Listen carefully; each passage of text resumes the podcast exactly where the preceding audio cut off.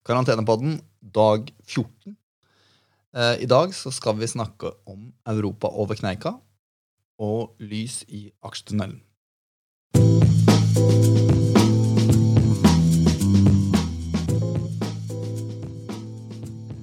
Er du med meg, Christian?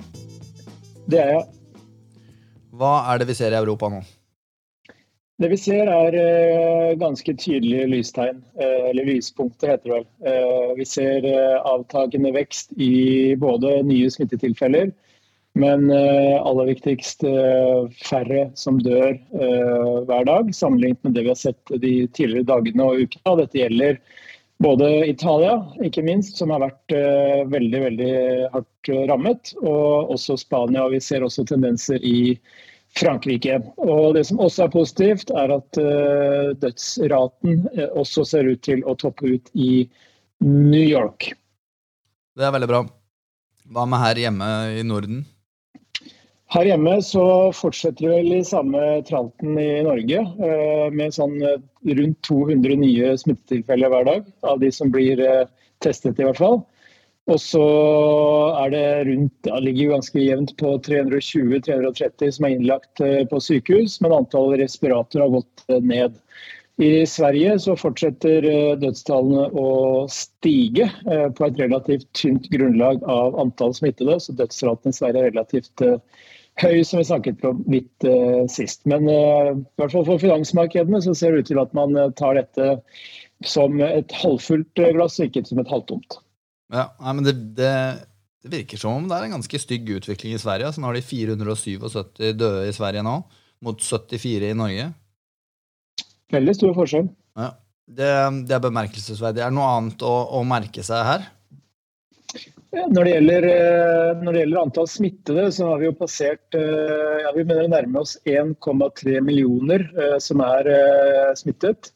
Og 9600 som har dødd. Det vi også ser tegn til, er eh, sånn eh, oppblussing i en del eh, asiatiske land. Og vi ser også at Japan kanskje er i ferd med å få en, en bølge som de kanskje ikke har hatt tidligere på samme måte. Og Det bidrar til at japansk økonomi står i fare for å bli nedstengt mer enn det den allerede har vært. Så dette lukter litt av at det er potensial for at det kan komme flere bølger av dette viruset, selv om man opplever noen små seire underveis med, med fremgang. Og du mente selvfølgelig 71 000 døde og ikke 9600. 9600 er i USA. Det er riktig. Det var det, det, var det jeg mente. Ja. 340 000 tilfeller i USA nå, mer enn Spania, Italia og Tyskland til sammen. Nesten. Eh, Og Frankrike og Tyskland har også gått forbi Kina. Ja. Skal vi bevege oss over til markedet? Det kan vi gjøre.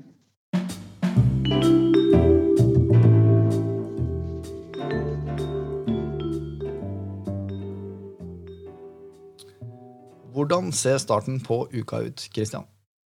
Det ser uh, veldig bra ut. Uh, allerede i, i morgentimene før børsene åpnet, så lyste de amerikanske futures uh, veldig grønt. Og det har for så vidt sett ut til å stemme. Oslo Børs stengte opp eh, 2,3% Europa 3,6 og SMP er i øyeblikket opp eh, 4,6% Og Det markedene håper på, det er at man nå er eh, forbi det verste i Europa og i Asia, inkludert Kina.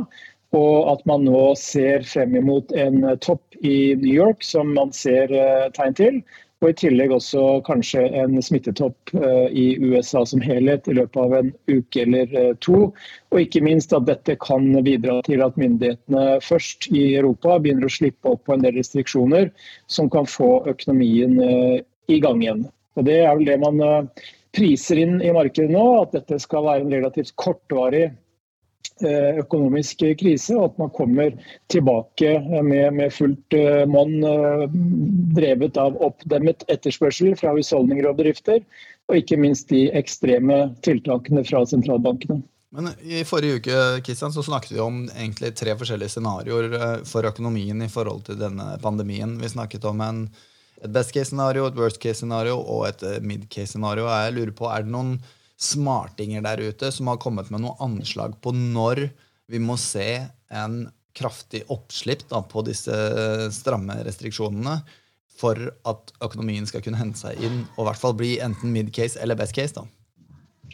Eh, det som er utgangspunktet, tror jeg, da, som jeg oppfatter det som, det er at vi skal se at en del av disse restriksjonene slippes opp mot slutten av april.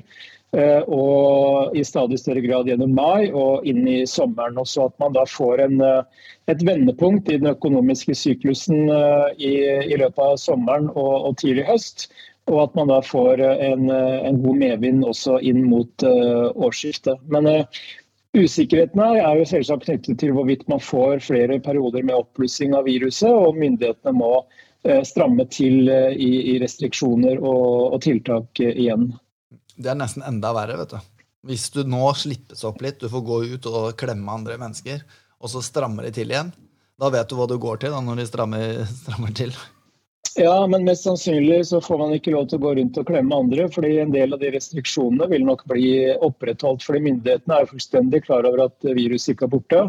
Og da, da, da er det ganske veldig høy sannsynlighet for at en del av de sosialt, eh, sosiale tiltak med tanke på å holde avstand osv. de kommer til å bli opprettholdt i ganske lang tid fremover, vil jeg tro. Du var så på vei til å være positiv nå, Christian, så nå, du får nesten ikke lov å si noe mer, for jeg ble litt optimistisk av å høre på deg. Men vi må bare plugge lite grann. rand for de av dere som ikke har hørt på denne podkasten, altså de, siste 14 eller 13 sendingene jeg har hatt nå, så sender jeg og Christian nå mandag, onsdag og fredag kort oppdatering på pandemisituasjonen og en kort oppdatering på markedet og policy.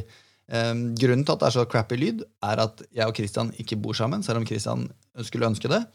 Så derfor så må jeg ringe til han på Skype når vi spiller inn disse episodene. Ellers så vil jeg plugge Christian på Twitter. Dere kan følge han der med handle at liechr. Og han har også et webinar hver mandag som dere kan uh, melde dere på. Da må dere gå inn på danskebank.no slash koronawebinar, og det har ikke noe å si om det er en K eller en C i korona der.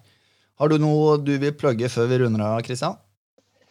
Nei, jeg vil bare si at det er eh, også en del stabiliseringstegn ellers i finansmarkedene som tyder på at dette i første omgang handler nå om en økonomisk krise, fremfor at vi er i ferd med å få en finanskrise som vi kanskje fryktet for eh, to og en halv, tre uker siden. Så so far so good, eh, gitt den ekstreme oppbremsingen som vi ser i økonomien. Veldig glad for at du klarte å flytte inn en liten positiv eh, kommentar til deg der. Er det kanskje fordi det er påske, men du får ha en god påske så lenge, Kristian, og så høres vi på onsdag. Takk det samme. ha det. Ha det.